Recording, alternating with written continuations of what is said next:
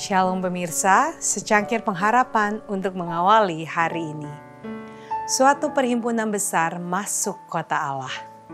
Kemudian daripada itu aku melihat sesungguhnya suatu kumpulan besar orang banyak yang tidak dapat terhitung banyaknya dari segala bangsa dan suku dan kaum dan bahasa berdiri di hadapan takhta dan di hadapan anak domba memakai jubah putih dan memegang daun-daun palem di tangan mereka.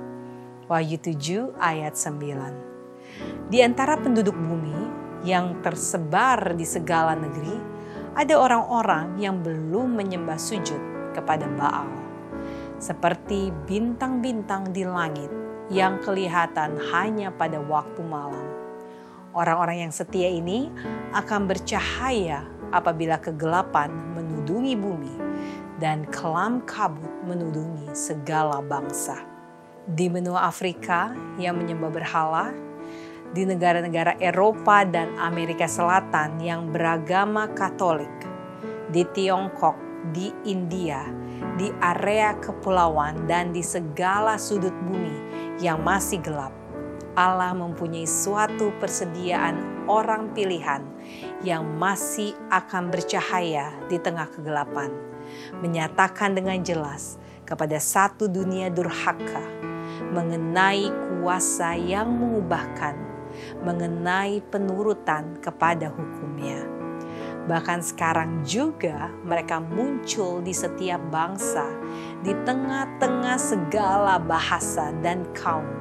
Dan pada saat kedurhakaan yang sangat dalam itu, ketika usaha setan yang tertinggi dilaksanakan agar semua orang, kecil atau besar, kaya atau miskin, merdeka atau hamba, menerima ancaman hukuman mati, menerima tanda kesetiaan kepada suatu hari perhentian palsu itu, maka orang-orang yang setia ini tiada beraib dan tiada bernoda sebagai anak-anak Allah yang tidak bercelah akan bercahaya di antara mereka seperti bintang-bintang di dunia. Marilah kita mengingat bahwa ada suatu pertemuan besar yang akan terjadi tidak lama lagi. Hidup kekal dan kota Allah ada di hadapan kita. Malaikat-malaikat Allah akan ada di sana dan Kristus pun akan ada di sana.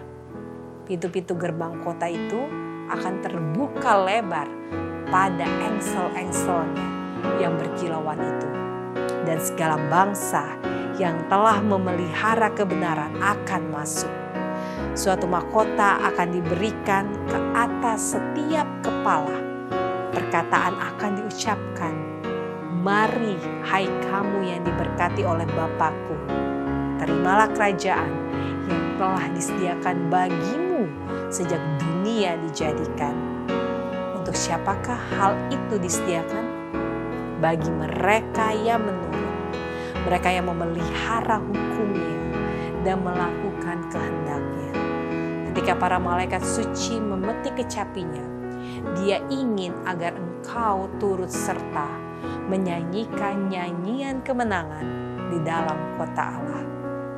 Demikianlah renungan kita hari ini. Selalu mulai harimu dengan secangkir pengharapan.